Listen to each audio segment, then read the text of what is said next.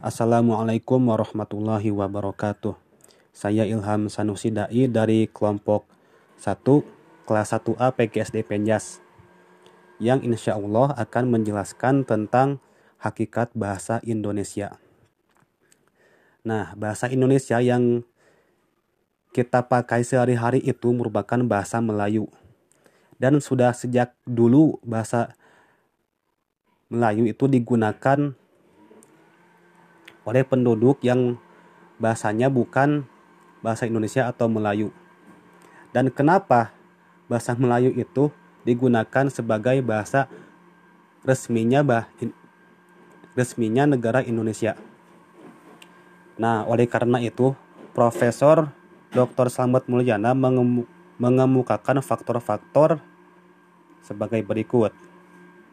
Yang pertama, bahasa Melayu digunakan sebagai lingua franca atau bahasa perhubungan atau juga bisa disebut dengan bahasa perdagangan. Yang kedua, bahasa Melayu memiliki sebaran paling luas. Yang ketiga, bahasa Melayu masih berkerabat dengan bahasa-bahasa lainnya. Yang ketiga, bahasa Melayu bersifat sederhana.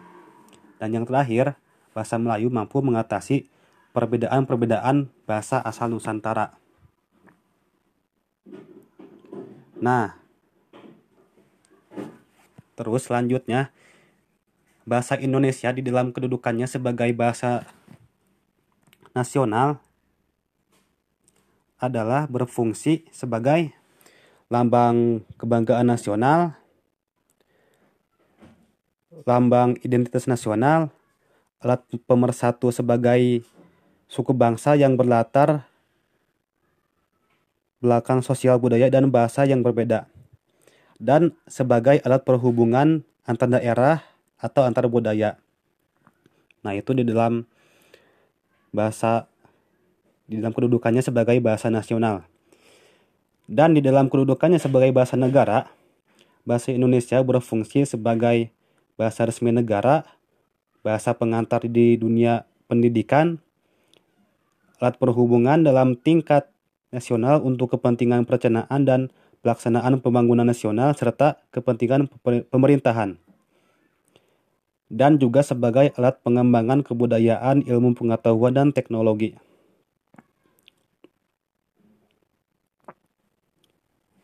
Lanjut, bahasa adalah kunci untuk membuka khasana pengetahuan. Hanya dengan bahasalah kita dapat menguasai ilmu pengetahuan dan teknologi. Walaupun bahasa Indonesia sudah berperan sebagai alat persatuan persatuan, tetapi belum dapat berperan sebagai pengantar ilmu pengetahuan.